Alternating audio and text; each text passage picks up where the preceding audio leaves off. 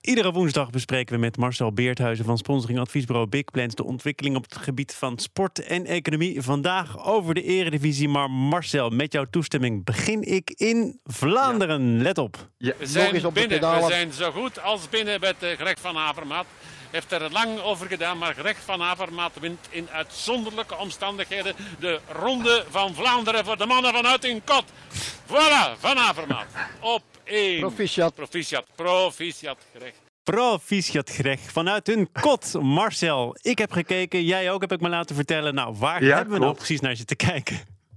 Nou ja, ik vind het in ieder geval leuker om naar te kijken dan de herhaling van die rondes van vorige jaren. Dus eh, drie kwartier keihard fietsen.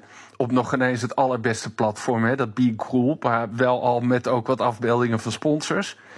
In België hadden ze 600.000 kijkers. En dat was meer dan de helft, dus meer dan 51% van de totale kijkdichtheid van lineaire televisie. Het was een mooie dag. Dus er zaten ook veel mensen buiten waarschijnlijk. Maar ik, ik vond het toch wel een geslaagd experiment. En je ziet nu dat op het gebied van e-sports en gaming heel veel gebeurt. Hè? Bij, eh, ja, bij, bij het, eh, het feit dat er geen, eh, geen livesport is. Want als, als televisiekijker zag je eigenlijk groot in beeld het platform.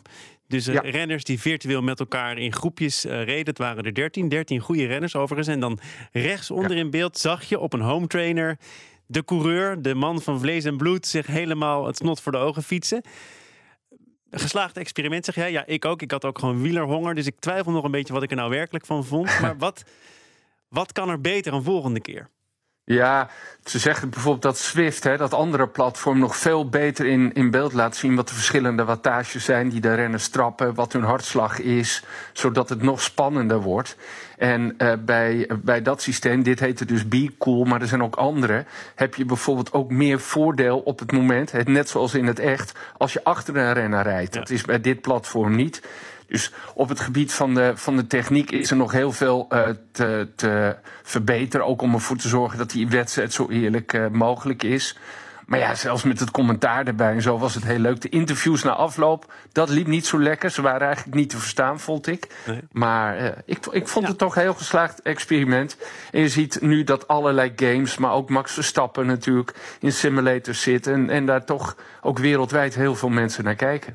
We gaan eh, naar iets waar helemaal niemand naar kan kijken. Live voetbal. Eh, en daar, wordt, daar wordt maar over gesproken en niet bepaald met één mond. Eh, er is nu een voorstel van de KNVB, geloof ik, om half juni dan toch weer te proberen de competitie te hervatten. Kun je eventjes uitleggen wat er op tafel ligt?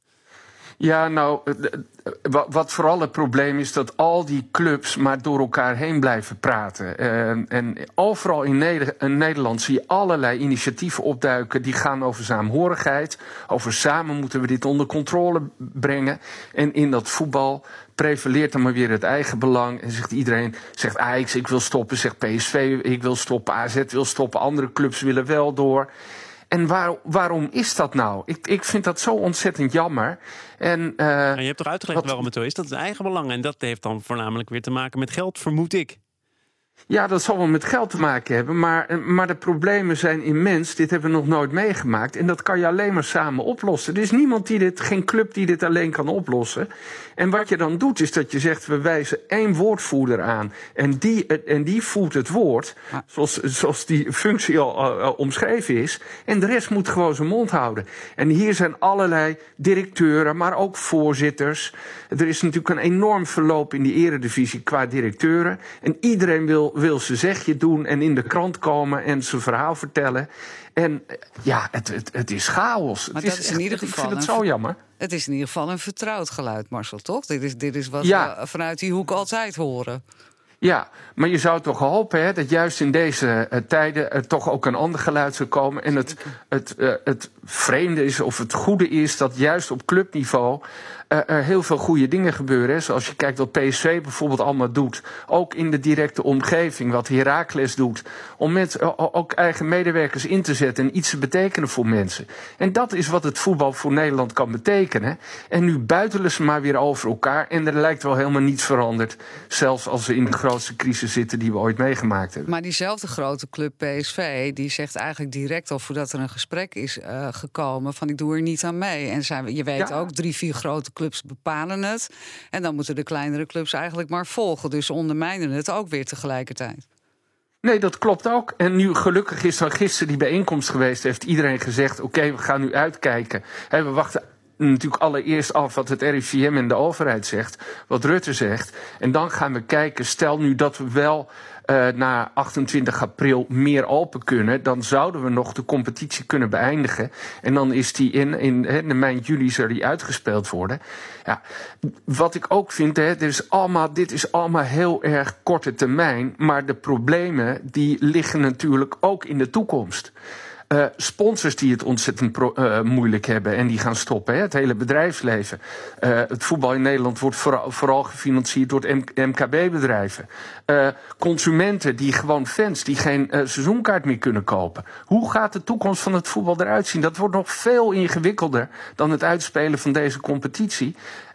En daar moeten ze met, met oplossingen voor komen. En dat lukt niet in de Eredivisie en bij de KNVB en ING en de Oranje spelers zie je dat die gewoon een fonds in het leven roepen met 11 miljoen erin.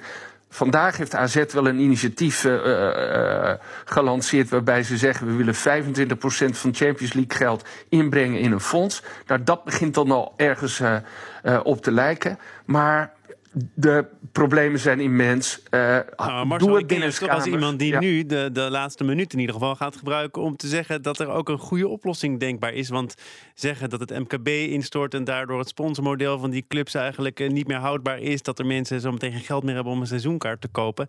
Ja, wat kun je daar aan, aan positieve ontwikkelingen tegenover stellen? Dus toch een nou, soort ja, solidariteit. Ja, dat, dat het geld wat er bij clubs is, dat je dat veel meer gaat verdelen. En dat geld komt dan voor een belangrijk deel van de Champions League. Hè. Dat gaat om, om tientallen miljoenen. Nou, daar zou je een belangrijk deel van kunnen bijdragen. Dat is één. Ik, ik weet dat ook Ajax daar absoluut voor open staat. Dus hè, dat is in ieder geval een gebaar. En dan moet je gaan kijken naar al die andere problemen die er komen. Nou, dat zal niet zo eenvoudig zijn. Dus transfersommen gaan omlaag. Salarissen zullen daardoor omlaag moeten. Uh, hoe gaan we om met die wedstrijden? Ik wou dat ik alle oplossingen had. Maar ja, er is echt maar één antwoord, namelijk dat die clubs het samen moeten doen. En dan kunnen wij daar, als ze eruit komen, volgende week weer over doorpraten. Of er is weer iets anders gebeurd. Want ik heb ook al ge gehoord, vond ik interessant. Uh, Jan Lammers volgens mij, die zegt Grand Prix. Als er nu geen voetbal is op dinsdag en woensdagavond, dan moeten we dat gewoon op Champions League avonden gaan doen om dat seizoen te redden. Goed idee? Ja, nou, ik vind, vind het helemaal niet zo raar. En, en uh, laat dat het mooie zijn van de tijd waar we nu in zitten. Dat er heel veel nieuwe ideeën komen. Alle conventies gaan overboord. En juist hele disruptieve ideeën kunnen ook voor verandering zorgen. En dan kunnen we zeggen, goh, dat blijkt nog helemaal niet zo'n gek idee te zijn. En wat, wat, wat goed dat we dat nu zo op deze manier ervaren. Als we met die mindset naar de toekomst gaan. En nogmaals, ik wou dat ik alle oplossingen had. Maar dat, dan, dan, uh, dan kan er juist in de toekomst weer heel veel moois gebeuren. En kan ook heel dat superkapitalisme in het op een hele andere manier ingevuld gaan worden. En veel meer voor, voor gelijkheid gaan zorgen. Dat is wel iets waar ik op zou hopen. Marcel Beerthuizen van sponsoringadviesbureau Big Plans. Tot volgende week.